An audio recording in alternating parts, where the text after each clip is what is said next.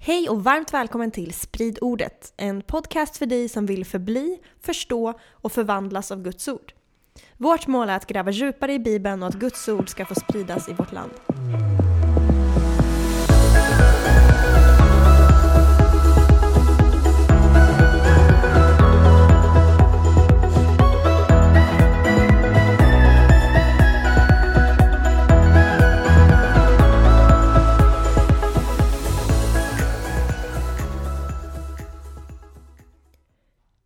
Hej och välkomna tillbaka till Sprid ordet och vi är i en serie profetior om Jesus som vi hittar i Gamla Testamentet för det mesta.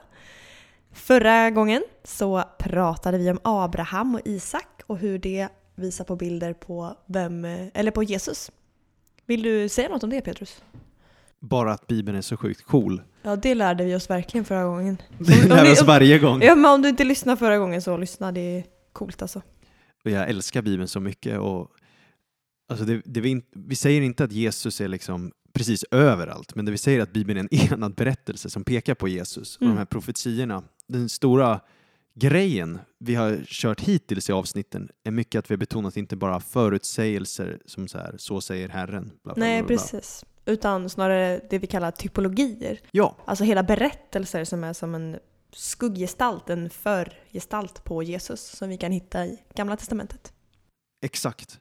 Och när man läser Bibeln på det sättet så börjar man bara Wow, vad är det här för bok egentligen? det är så jag känner. Ja, jag håller med. Och den är helt outtömlig för att ju mer jag läser desto mer bara, ja, ah, där var också en koppling. Och tänker jag missa den. Och, du vet, det här vi har gått igenom, vi har garanterat missat massa kopplingar också i alla de här personernas liv och allt det här. Så Bibeln kan man studera hela livet. Hela livet.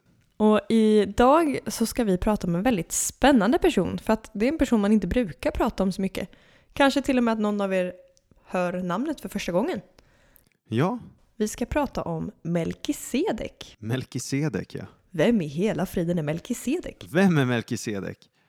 Och varför vi ska prata om Melkisedek, det är ju för att vi håller på att gå igenom Bibeln lite, någorlunda kronologiskt. Mm. Vi har kört igenom Adam, vi har kört eh, släkttavlan, Adam till Noa, vi har kört Noa, vi kommer in från Noa, går vi vidare till Abraham och i Abraham-berättelsen så har vi delvis Isak, men vi har också den här personen Melkisedek som Abraham möter. Och det här är lite annorlunda profetia om Jesus, för att normalt sett när vi tänker profetier så kanske vi tänker eh, att de är till för att, ja men quote unquote, bevisa Bibeln eller förutsäga så här. Men det här är, absolut den gör det också, men den är också till för att ge oss bra teologi. det låter kanske Okej. tråkigt, men, men det ska verkligen lära oss någonting om, om Jesus messiaskap och vilka funktioner och roller han har som, som, som Guds son. Ja. Ja, alright. Han är ju rätt okänd Melkisedek. Ja, vilken lirare. Ja, vad tänker du när du hör hans namn? Jag tänker direkt på Hebreerbrevet. För där dyker han ju bara upp helt plötsligt och värsta, vi kommer väl läsa det lite framöver här. Ja. Men han dyker bara upp helt plötsligt och är värsta förebilden på, vem- på Jesus. Och man bara jaha, men vad, vad stod det om honom? Ja. Var kommer han ifrån? Han är någon prälle i alla fall, det vet jag. Och man hade ju lätt missat honom om inte Hebreerbrevet tagit upp honom. Ja, för att de ger honom så stor roll. Han får två kapitel. Kapitel 5 och kapitel 7. Ja, det är helt sjukt. Men Hebreerbrevets författare säger i kapitel 5 där att det här är fast föda. Det är inte lättsmälta grejer. Det Och vad kräver menar de lite, med det då? ja, men att det kräver lite background knowledge. Det är inte grunderna i tron. Så menar, om, om man är helt nyfrälst eller ganska nybörjare i kristna tron och lyssnar på det här så kan det ju bli lite klurigt. Jag tycker fortfarande det är lite klurigt med Melkisedek, men vi kommer ju utforska det och förhoppningsvis kommer vi få en klarare bild av det hela. Ja. Hashtag Melkisedek, nu kör vi. nu kör vi! Och han nämns två gånger i, i eh, Tanak i Gamla Testamentet. Det är i Första Mosebok 14 och sen i psalm 110. Ja.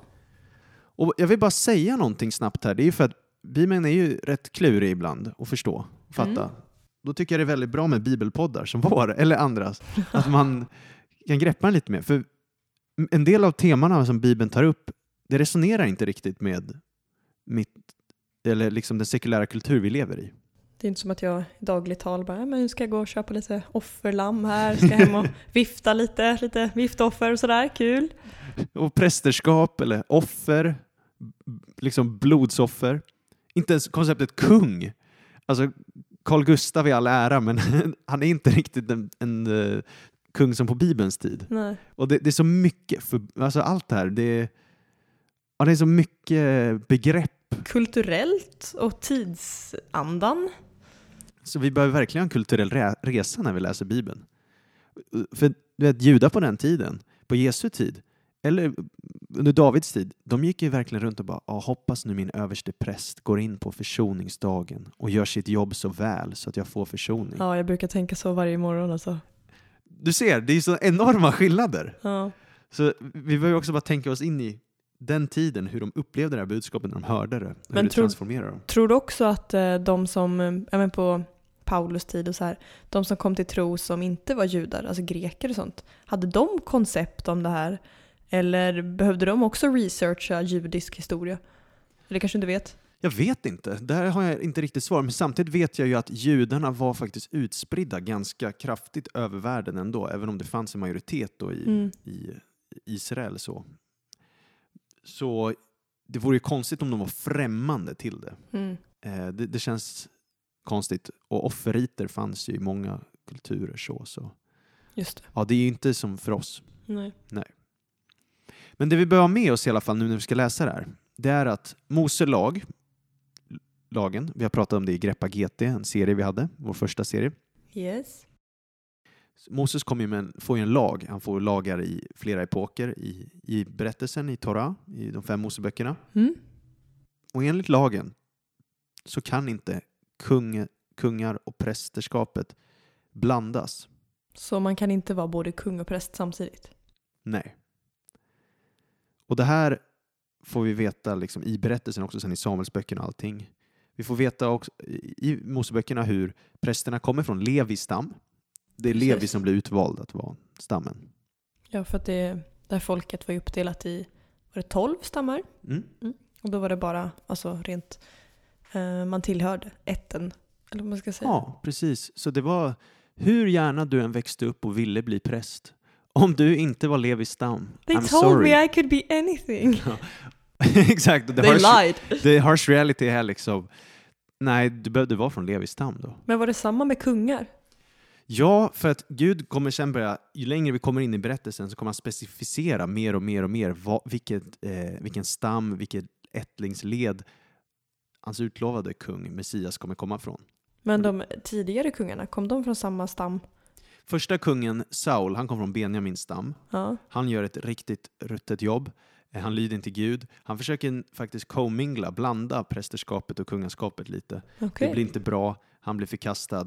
David kommer på scenen. David kommer från Judas stam. Just det. Och sen blir, kommer Gud, vi kommer kolla på David sen också, men då får David en profetia om att från hans ättlingar kommer Messias komma, den utlovade Så kungen. f- från och med David är det bara Judas stam då som blir kungar? Eh, Exakt. Ja. Men det finns profetior redan i första Mosebok om att eh, det ska vara från Judas stam.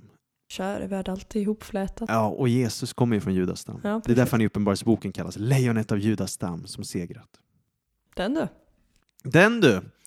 Alright, men med den lilla bakgrunden och för att förstå den bakgrunden kanske man också behöver ha lite bakgrund i Bibeln generellt. Så, så det är ju lite djupdykande här nu, men det får det vara. Halleluja. Eh, vi ska köra Melkisedek och han dyker upp i Första Mosebok 14. Så vi ska ha, gå till Första Mosebok 14 tänkte jag. Mm.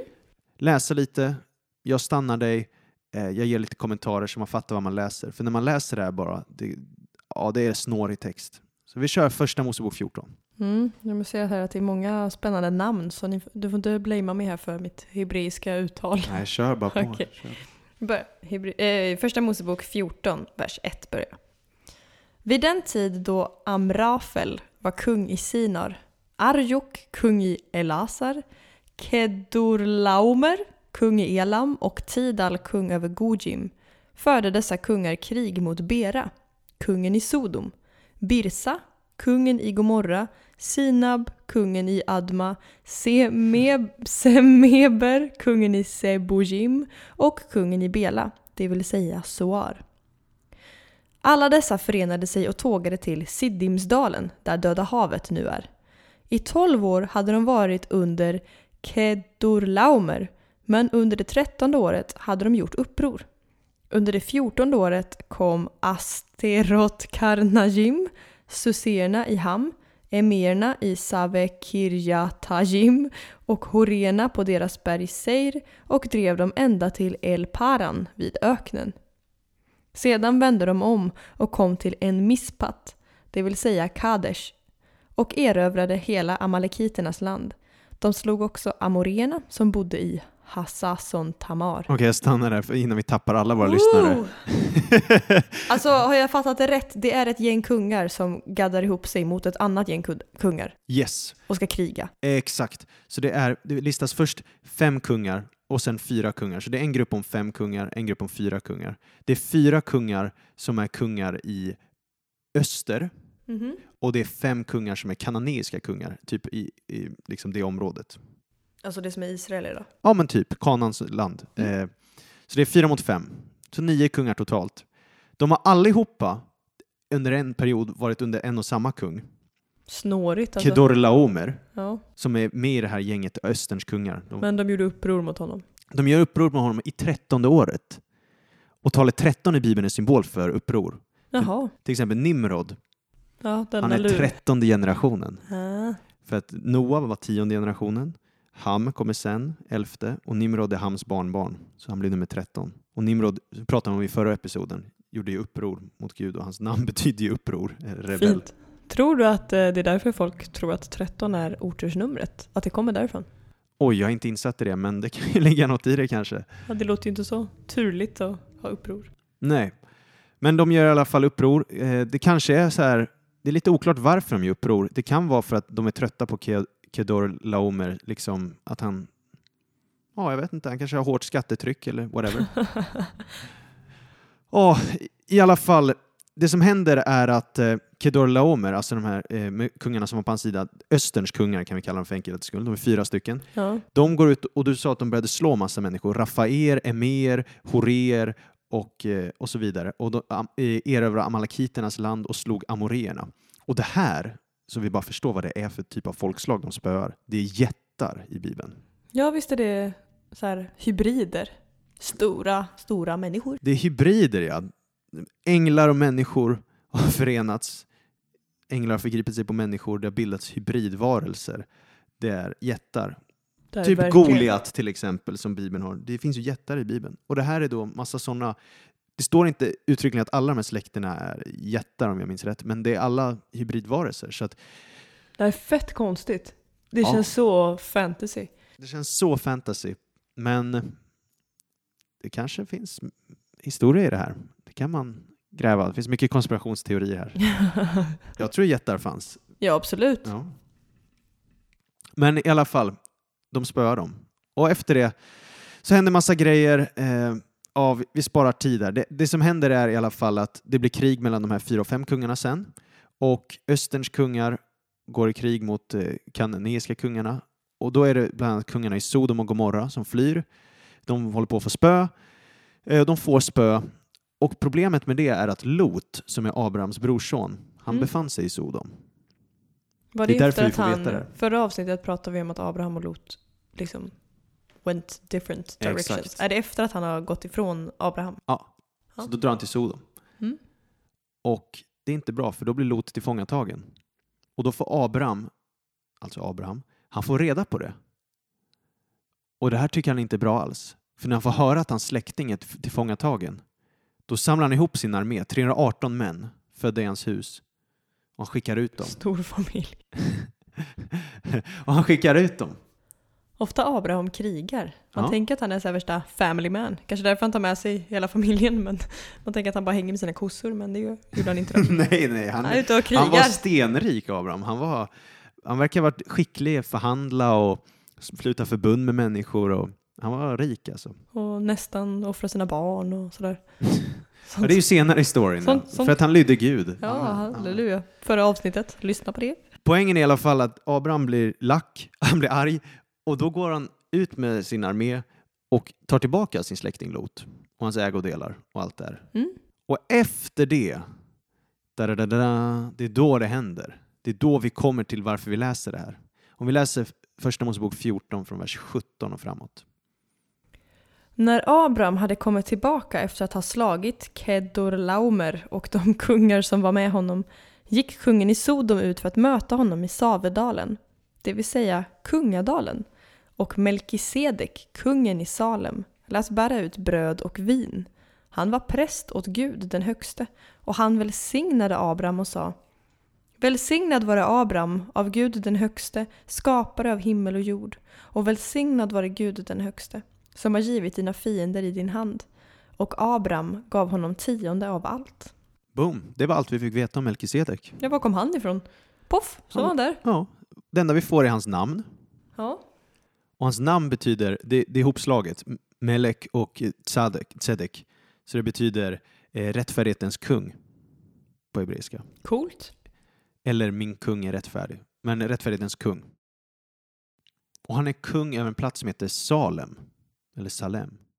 Och det är inte Salem i Stockholmsområdet? Nej, utan det finns ju många städer som heter Salem. Även på den tiden fanns det säkert det. Hippt namn.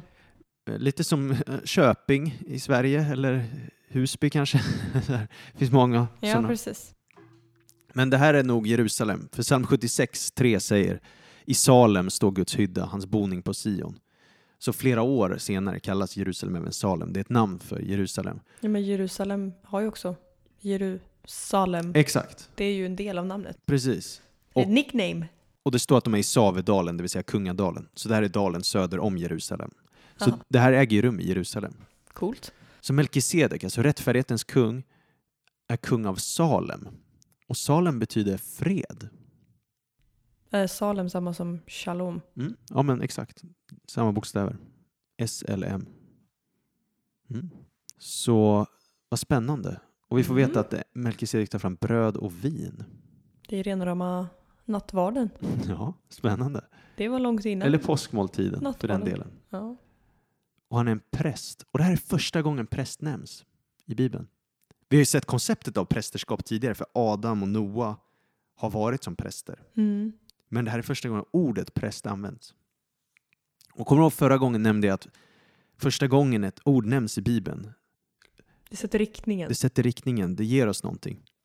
Vad spännande att då den första prästen också är kung. Stod det att han var kung också?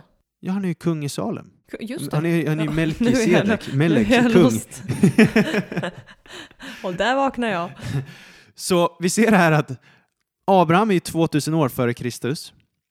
Levitiska prästerskapet, alltså det här som kommer senare med Moses och det, Ja. det är typ 500 år senare, 600 år senare. Så det här är innan, är det med Mose som lagen kommer om att en kung och en präst inte ska vara samma person? Ja, i konceptet där, ja, precis. För Ja. leviterna blir ett specifik eh, präststam. Mm. Så han freebasar så innan alla restriktioner. Ja, precis. Och det här är alltså inte en präst i någon random religion, utan han är präst till Gud den högste Melkisedek. Mm. Alltså vår Gud. Jahwe.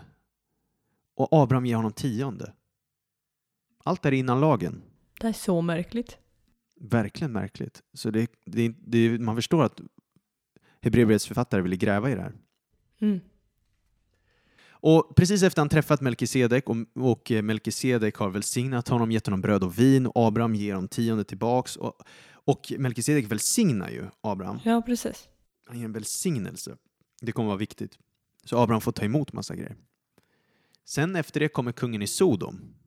Om vi läser det också. I, eller vi behöver inte läsa det. Det är att kungen i Sodom kommer till Abraham och säger så här. Ge mig folket, men krigsbytet kan du bolla för dig själv. Men då säger Abraham så här. Nej, jag lyfter min hand till Gud den högste. Jag vill inte ta en tråd eller en sandalsrem som tillhör dig. Du ska inte kunna säga jag har gjort Abraham rik. För jag vill inte ha någonting. Det räcker med vad mina män ätit och mina följeslagares andel. Så han bara säger, för jag vet att om jag behöver ge, ge dig de här grejerna, då kommer jag stå i skuld till dig. För på den kulturen var det så här att om man är generös mot någon, då blir man i skuld till den andra, för den andra förväntas ge tillbaks då. Oj då. Eller förklarar jag rätt nu? Nu Jo. snurrar jag till det. Jo, alltså att man... Eh, tacksamhetsskuld. Ja, precis. exakt, exakt. Ja. Men det här är allt vi får om Melkisedek. Vi får kontrasten då att Melkisedek är en schysst kille, kungen i Sodom inte så schysst. Och sen går det ju rätt illa för Sodom senare i berättelsen. Mm. Medan Jerusalem går det ju bättre för. Så då är meningen med det här bara, ja men fånga upp där, för du kommer behöva det senare i berättelsen. Mhm. Så vi får massa mysterium av det här. Vem är Melkisedek? Hur är han en präst? Han är ju inte från Levis stam. Varför bröd och vin? Varför får han tionde? Varför välsignar han Abraham? Hur såg han ens ut? ja, ja. ja, men verkligen. Det verkligen. Men poängen med det här är att det fanns ett prästerskap till den högste guden, världens skapare, i Jerusalem. Innan Salomos tid, innan Davids tid, fanns det en präst i Jerusalem. En kunglig präst. En kung i Jerusalem som tjänade Gud. Vilken lirare. Vilken sjuk grej. Mm. Och då i Abraham-berättelsen blir Jerusalem jätteviktigt. Långt innan Jerusalem eh, kommer liksom i kungariket där och allting med, med israeliska folket. För Abraham sen offrar ju Isak i Jerusalem, mm. det som skulle bli Jerusalem i Moriaberg. Ja. Så vi kommer att prata om en präst i Jerusalem som välsignar och ett offer i Jerusalem. Och allt det här pekar ju fram på Jesus då sen. Bam. Bam! Men du sa också att det stod i Saltaren någonstans om Melkisedek. Ja, låt oss kolla på det härnäst.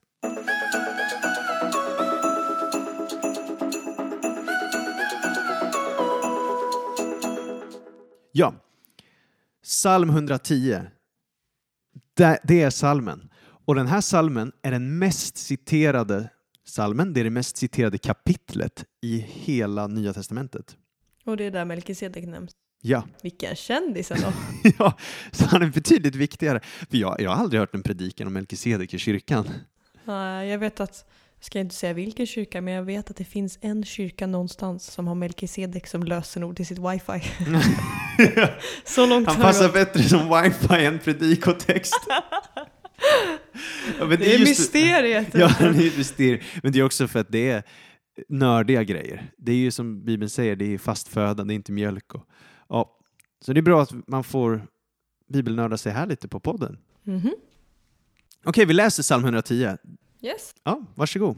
En psalm av David. Herren sa till min herre, sätt dig på min högra sida, till dess att jag har lagt dina fiender som en fotapall under dina fötter. Din makts spira ska Herren sträcka ut från Sion. Du ska härska mitt ibland dina fiender. Villigt kommer ditt folk när du samlar din här. I helig skrud kommer din unga skara inför dig. Som daggen kommer ur morgonrodnadens sköte. Herren har svurit och ska inte ångra sig. Du är präst för evigt, på samma sätt som Melkisedek. Herren är på din högra sida, han krossar kungar på sin vredesdag.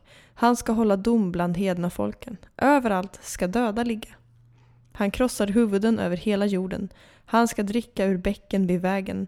Därför ska han lyfta huvudet högt. Ja, lite brutalt i slutet alltså. Ja, lite märkligt. Så, ja, vilken vändning. Först bara åh, nu ska vi döda massa folk. Och sen bara åh, han dricker vatten i bäcken. Ja, det är alltså en regerande kung i alla fall, som besegrar sina fiender. Mm. Eh, vilket är ett te- tema i Bibeln ju också, så här. speciellt i Uppenbarelseboken 19, sen när Jesus kommer tillbaks då, att eh, nådens tid är över. Det är lite som när Noas flod kommer, det är en lång grace period, men sen tar den slut en, en, en dag. Så är det. Men det här är i alla fall mest citerade psalmen i Nya Testamentet. Det är 26 referenser i, till den i NT. Ser man på. Och av alla dem så är vers 1 mest citerad. Så läs vers 1 för oss igen, för det kommer vara ett, det är ett gudomligt uttalande. Det är Gud själv som talar. En psalm av David. Herren sa till min herre, sätt dig på min högra sida till dess att jag har lagt dina fiender som en fotapall under dina fötter. Hmm. Herren sa till min herre. Så det är David som pratar. Ja. Så det är två hebreiska ord där. Det är eh, Mm. säger till min Adonai. Så Guds namn till min herre. Sätt dig på min högra sida till dess jag har lagt dina fiender som en fotapall under dina fötter. Så är det Gud Fadern som pratar till Jesus. Exakt. Och då, det här för oss, vi bara, ja, big deal, vem bryr sig? Men jag kan säga att judarna på den tiden brydde sig väldigt mycket om det där. Eh, för att vi läser episoden i Nya Testamentet. Det här, det här kommer göra dem sjukt förbryllade, de skriftlärda och fariseerna. Eh, de kommer bli helt, va, va, varför säger Jahwe till Davids herre? Ja, de kommer, vi kommer kolla på det och vi kommer bli visare av det tror jag. Om vi läser Matteus 22, vers eh, 41 till 46. Medan fariseerna var samlade frågade Jesus dem, vad anser ni om Messias? Vems son är han? De svarade honom, Davids. Då sa han till dem, hur kan då David, driven av anden, kalla honom herre och säga, Herren sa till min herre, sätt dig på min högra sida tills jag har lagt dina fiender under dina fötter. Om nu David kallar honom sin herre, hur kan då Messias vara Davids son? Ingen kunde svara honom med ett ord och från den dagen vågade ingen längre fråga honom. Ja. Så bara, okej, vi vet att Messias ska vara Davids son, för det ger Gud ett löfte om i Andra Samuelsboken 7. Men i det tänkandet på den tiden, kulturellt, så skulle det göra honom underlägsen David. För du och jag, vi lever i en kultur som glorifierar ungdom, Jaha, eller hur? ja absolut. Det är antirynskrämer, det är, det är åldersdiskriminering på arbetsmarknaden om man är för gammal, svårt att få jobb, allt det här. Men i den kulturen, då är du alltid av lägre heder än den äldre. Mm. Så de kan inte få ihop det här. Hur i all sin dar kan Davids son kallas herre av David? Det är så en mind-blowing experience. De fattar inte ens hur det här kan gå ihop. Så det måste ju varit ett stort mysterium Mm. Ända tills Jesus kom och fortfarande då för de som inte tror på Jesus. Exakt. Och, och, och det här lär oss väldigt mycket då. Det lär oss att aha, Davids son kommer vara för mer än David själv. Alltså han kommer vara högre ställd Mm. än David själv. De hade nog aldrig kunnat ana att eh, det skulle vara Herren själv inkarnerad som människa. Spännande. Verkligen. Och så läser vi det, det, det andra uttalandet i psalm 110 som också är en stor big deal. Vers 4. Psalm 110, vers 4. Herren har svurit och ska inte ångra sig. Du är präst för evigt på samma sätt som Melkisedek. Det är alltså David som skriver den här salmen. Och han bara kanske i en andakt, bara kommer i anden. Ja, det stod ju, Jesus sa ju det, att David skriver det i anden. Ja, Inspirerad, eller vad sa han? ja exakt. Ja, av anden. Och bara, hmm. Herren har svurit och ska inte ångra sig. Det här är alltså ett evigt löfte. Präst för evigt. På samma sätt som Melkisedek. Stort, så Melkisedek är en präst för evigt? Frågetecken. Ja, eller på samma sätt som Melkisedek. Hur var Melkisedek präst? Rättfärdighetens kung. Han var kung samtidigt. Och sen Hebreerbrevet kommer utveckla det ännu mer för oss, men hur, på vilket sätt Melkisedek var en, en präst. Men David lever ju tusen år före Kristus och lagen kom 500 år innan David. Och lagen säger ju att du inte ska vara präst och kung samtidigt. Så hur går det här ihop? Men David bara kommer under inspiration och inser att nej, men det kommer en tid då den här lagen ska försvinna. Profet. Profet, ja. David är ju en profet. Så spännande. Man ser hur Bibeln är sammanflätad och pekar på det här hela tiden. Mm. Det är ett enat budskap. Och just att Melkisedek levde före lagen gör så att vi får inse att ja, men det här levitiska prästerskapet är som en parentes. Mm. Ja, deep theology här. Ja men verkligen. vi, om vi går till Nya Testamentet ska vi se om vi fattar det här eh, lite mer.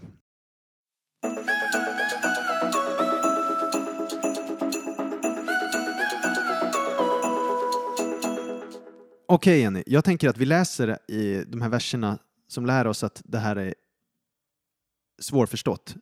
Så att vi, vi inte känner oss dumma i huvudet när vi gör det här med Melkisedek, utan vi, vi förstår att okej, det här är djupa grejer. Vi läser i Hebreerbrevet som 5 och det kommer handla om Melkisedek. Men vi, vi läser vers 11 till 14 först. Där.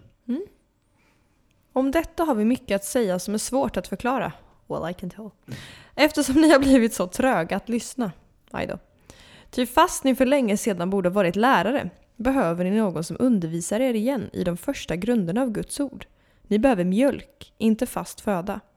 Ingen som lever av mjölk är mogen för en undervisning om rättfärdighet. Han är ännu ett barn.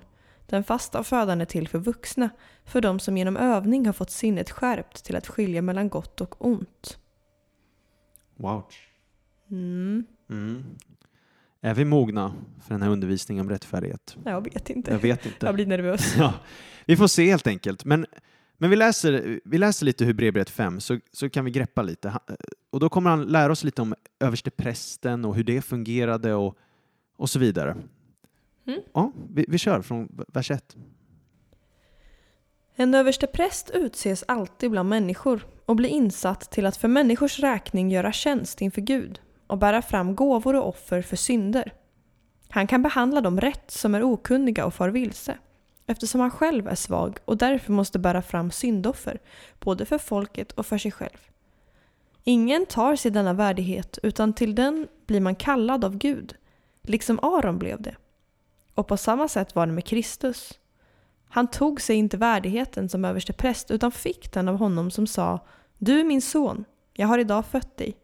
Han säger också på ett annat ställe Du är präst för evigt, på samma sätt som Melkisedek. Just det. Så här har vi, vad ser vi om prästerna? Jo, prästerna de bär fram gåvor och offer för synder och man, gör, man representerar människor. Och man är Det- utsedd av Gud.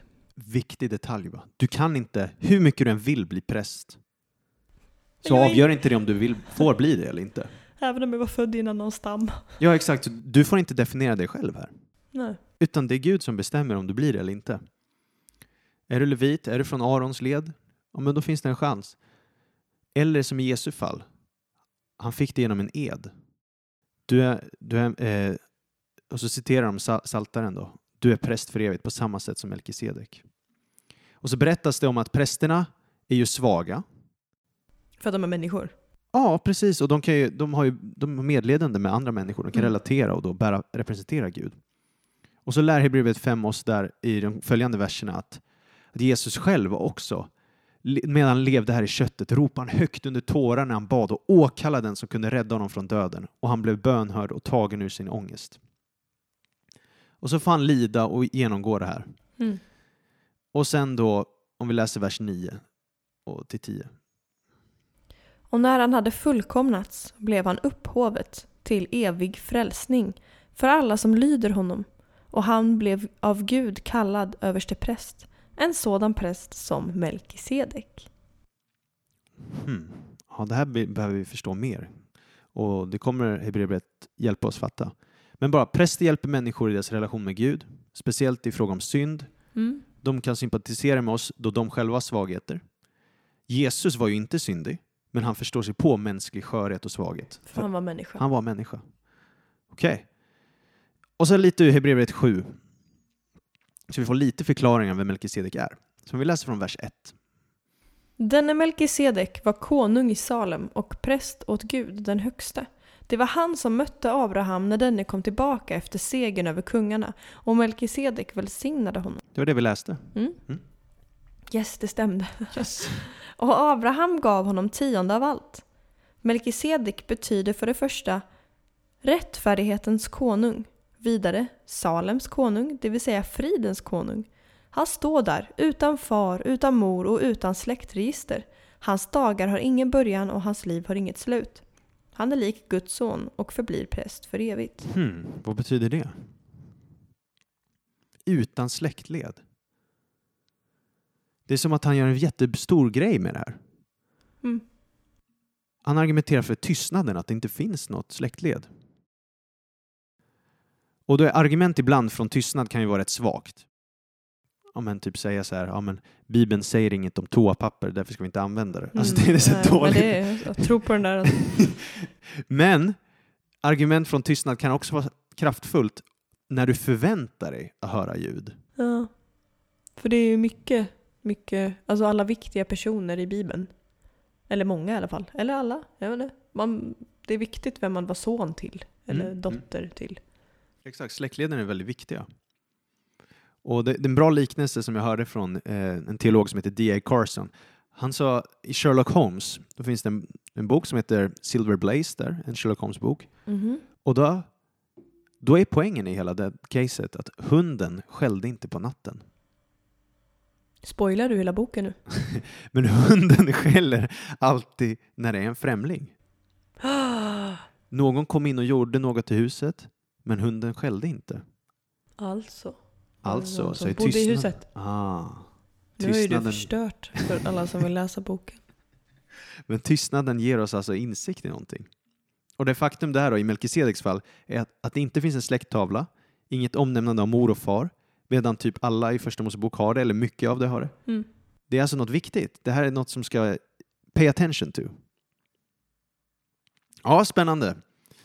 Eh, Läs vidare från vers 4 i eh, Hebreerbrevet 7. Se hur stor han är. Det var åt honom som Abraham, vår stamfader, gav tionde av sitt bästa byte.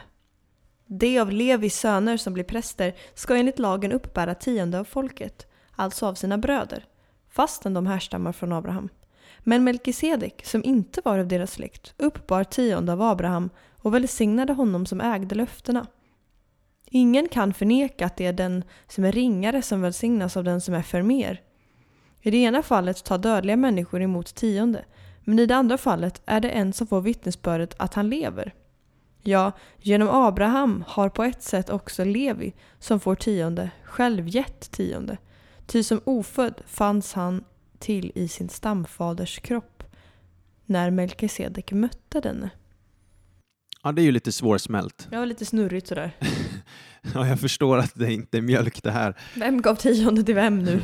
Ja, men så Abraham ger ju tionde till Melkisedek. Så var det. Ja, och då, ver- då verkar det, och sen så Melkisedek välsignar Abraham. Mm. Och då gör han en big deal av det här att det är den ringare som välsignas av den som är förmer. Och det, han är, Melkisedek är alltså en väldigt stor, fin människa. Då. Så fin. Han menar då att Levi, Levi är ju Stammen. stammen Ja. som kommer från eh, Abraham, Isak och Jakobs släktled. Mm. Då menar han alltså att Levi indirekt har gett tionde till Melkisedek. För att Levi fanns i sin pappa, Ja. pappas genetik. Jo, precis. Lite långsökt kanske. Lite långsökt kan vi tycka, men för en jude på den här tiden var det ett väldigt eh, legit rabbinskt argument. Ja, men man eh, såg väl mycket mer till vikten av familj och blodsband och grejer. Det var väl väldigt, väldigt viktigt. Exakt, och det är därför det är också en så sjuk grej att Melkisedek inte har någon släktled där. Oh no! Men, men då är poängen att Levi har gett tionde till Melkisedek. Så han vill bara säga att Levis prästerskap är lägre än Melkisedeks. Melkisedeks prästerskap Aha. är större. Det är det som är hela poängen Ja. med allting. Och bara, aha, okej. Det är ju intressant. Så den levitiska prästtjänsten är inte den optimala. Och det är det som är hela poängen då. Att det har ni sett i Gamla Testamentet eller i Tanaks storyline, den här levitiska präst, prästtjänsten, det är bara en parentes. För annars, vad var poängen med att David säger i psalm 110 att någon annan lik Melkisedek ska träda fram? Mm. Mm. Och det är det som hjälper oss förstå här med Gamla Testamentet, att mycket är bara saker som hände innan lagen. Det är det vi ska tillbaks till i det eskatologiska idealet, Just det. eh, slutgiltiga idealet. Mm. Ja, vi läser vidare, Hebreerbrevet 7, vers 11. Om nu fullkomlighet kunde vinnas genom den levitiska prästtjänsten och på den grunden hade folket fått lagen, varför måste då en annan präst träda fram? En som Melkisedek? En som inte sägs vara lik Aron? Ty om prästtjänsten ändras måste också lagen ändras. Men den som, den som detta sägs om hörde till en annan stam. Och från den har ingen gjort tjänst vid altaret. Det är uppenbart att vår Herre har trätt fram ur Juda. Men Mose har ingenting sagt om präster från denna stam. Ännu tydligare är det när en annan präst lik Melkisedek uppstår. Han har inte blivit präst genom en lag som föreskriver jordisk härstamning utan i kraft av ett oförstörbart liv. Han får nämligen det vittnesbördet du är präst för evigt på samma sätt som Melkisedek. Så upphävs ett tidigare bud eftersom det var sagt och till ingen nytta. Det var svagt. Ja, det var svagt. Sorry. Eftersom det var svagt och till ingen nytta. Lagen åstadkom ju inte något fullkomligt. Men ett bättre hopp har kommit och genom det träder vi fram inför Gud. Nu du! Nu du, så hela poängen här är att wow, den här levitiska prästtjänsten är inte evig. Så han vill bara backa upp caset att Jesus är en präst. Mm. Det är jätteviktigt teologisk poäng att Jesus är en präst. Han är en överstepräst och en präst. Han är inte bara en kung. Nej. Det är ju sagt att alltså Jesus kommer från Judas stam. Men Mose har inte sagt något om präster från Judas stam. Hur ska det här gå ihop? Och det är då Melkisedek kommer in och, som pusselbiten och du ser hur sammanflätad skriften är och man får göra lite teologiskt jobb. Ja, men det här är ju verkligen ögonöppnande. Ja. För då, det, man får vara lite Sherlock Holmes och gräva här. Och det är Ja. det Hebreerbrevets författare gjort då. Ah, titta, det är så här vi förstår att Jesus kan vara en präst. Fast han inte kom från Levi så har vi ett prästerskap som är innan Levi. Mm. Melkisedek. Och han är så stor. Levi till och med indirekt gav tionde till honom. Wow, vilken grej. Och han var inte eh, släktledsberoende på det sättet. Nej. Och Jesus är den här bättre prästen och David profeterade i anden om den här. Och då plötsligt börjar vi se hur det var. Och, och psalm 110 sa jag, Herren har svurit och ska inte ångra sig. Alltså en ed. Men leviterna blev inte till präster, präster genom en ed. Nej.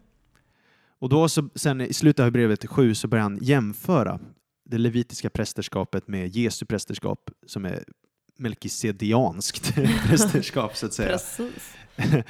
Eh, så till exempel, de levitiska prästerna de måste bli fler och fler eftersom de dör hela tiden. Rackarn. Vilket hindrar dem att stå kvar i tjänst. De kan ju inte vara evigt. Jesus bara, men jag uppstår istället. Exakt, Jesus lever ju för evigt. Så Mm. då kan jag ha ett prästämbete som är för evigt. Som Melkisedeks. Och då blir en jätteviktig teolo- teologisk poäng av det i Hebreerbrevet 7.25 som en bra minnesvers. Därför kan han också helt och fullt frälsa dem som genom honom kommer till Gud, för han lever alltid för att mana gott för dem. Boom. Mäktigt. Jesus är alltid vår förebedjare, ständigt. Han försvinner inte. Han Nej. dör inte som de tidigare leviterna. Och det är den här typen av överstepräst vi behövde. Vi behövde Mm. någon helig, oskyldig, obefläckad, skild från syndare och upphöjd över himlarna. Leviterna var syndare. De här var inte det. Det är det Hebreerbrevet 7 bara målar upp för oss. Och vers 27 säger att han måste inte som tidigare överstepräster bära fram offer en dag varje år. Först för sina egna synder och sedan för folket. Nej, för Jesus gjorde det en gång för alla när han offrade sig själv. Halleluja. Lagen insätter svaga människor till överstepräster. Mose lag. Men det ord som bekräftades med en ed, alltså psalm 110, och kom senare än lagen. För David levde ju 500 år efter lagen gavs typ, eller Mm. nå- ungefär, fyra, ja, något Nå- sånt. Något. Och, och kom senare än lagen insätter sonen som är fullkomlig för evigt. Hänger du med kontrasterna? Och då blir det en teologi som bara boom, Jesu prästerskap är så mycket bättre än det vi hade i GT. Det här är helt awesome. Och faktiskt hela Tanak, hela berättelsen pekade på det här hela tiden. Alltså det här är så mäktigt. Jag har lärt mig så mycket. Vad kul! Ja. och jag tror också bara, en del undrar, var Melkisedek Jesus? En del funderar det liksom.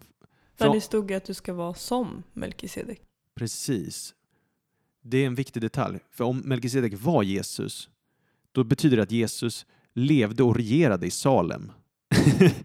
Melkisedek regerade. Det är ju jätteudda. Så det kan ju inte stämma.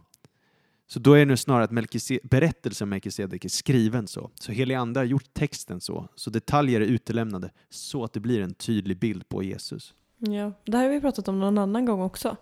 Att saker inte står med, inte för att de kanske levde för evigt, men för att i texten då, enligt texten, för det går emot skrivreglerna Mm. på den tiden, då blir det som att man levde för evigt. Exakt. Och jag har läst många eh, som eh, tror att Melkisedek skulle varit Shem, eller Sem, alltså Noas son. Men det kan det ju omöjligt vara för att vi vet Sems släktled. Men det var många som spekulerade, judar på den tiden, om Melkisedek kunde varit Sem och så vidare. Mhm. Men nej. För vi vet ju Sems släktled. Ja, spännande. Och bara poängen med allt det här då, det är att Tanak, Gamla Testamentet, pekar samstämmigt tillsammans på att det gamla förbundet skulle ersättas med ett nytt förbund. Ja, För det behöver ersättas. det här blir bara tydligare och tydligare. Det blir bara tydligare och tydligare att det är en enad story. Om David själv fattar det tusen år före Kristus, hur mycket mer ska inte vi då fatta det 2000 år efter Kristus? Så Jesus är fullkomnande det som profeterats om. Jag vill bara lyfta en sista profetia uttryckligen. Det är Sakarjas 6.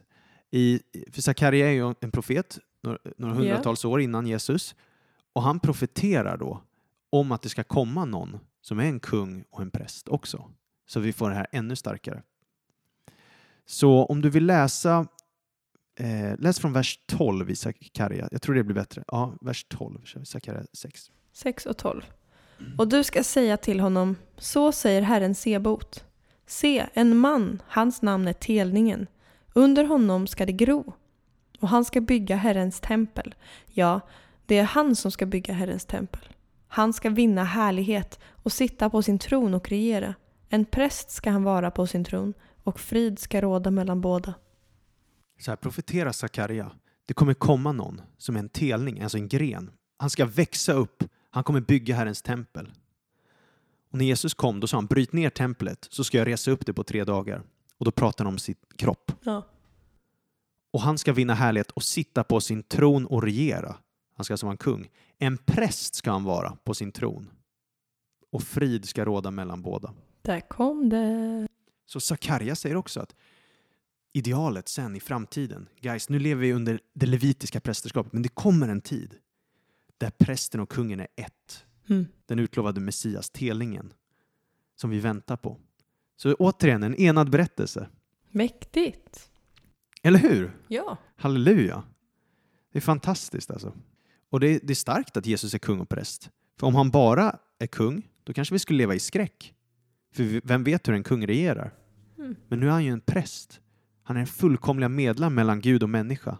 Mm. För att han är Gud och människa själv. Ja. Så han tar upp prästernas roll, han kan sympatisera med oss, representera oss, försvara oss och ta bort synderna. Och samtidigt regera över oss. Mm. Med vishet, med fred. Han är ju Melkitsedek, alltså rättfärdighetens kung, som Mm. regerar i fred, för han re- regerade ju i Salem. Mm. Så det är vem Jesus är. Mäktigt. Och det är så man får göra teologi av den hebreiska bibeln. Och profetior om Jesus. Amen. Amen. Så bra. Kul att lära känna Melkisedek mer än ett uh, wifi-lösenord. Verkligen. Så bra. Hoppas ni har lärt er någonting. Eh, hör gärna av er till oss eh, om det är något ni har lärt er, om det är något ni undrar. Eller bara säga hej. Det är kul att höra från er. Eh, ja, det var allt för den här gången. Det var allt för den här gången. Nästa gång fortsätter vi med profetior om Jesus. Yes.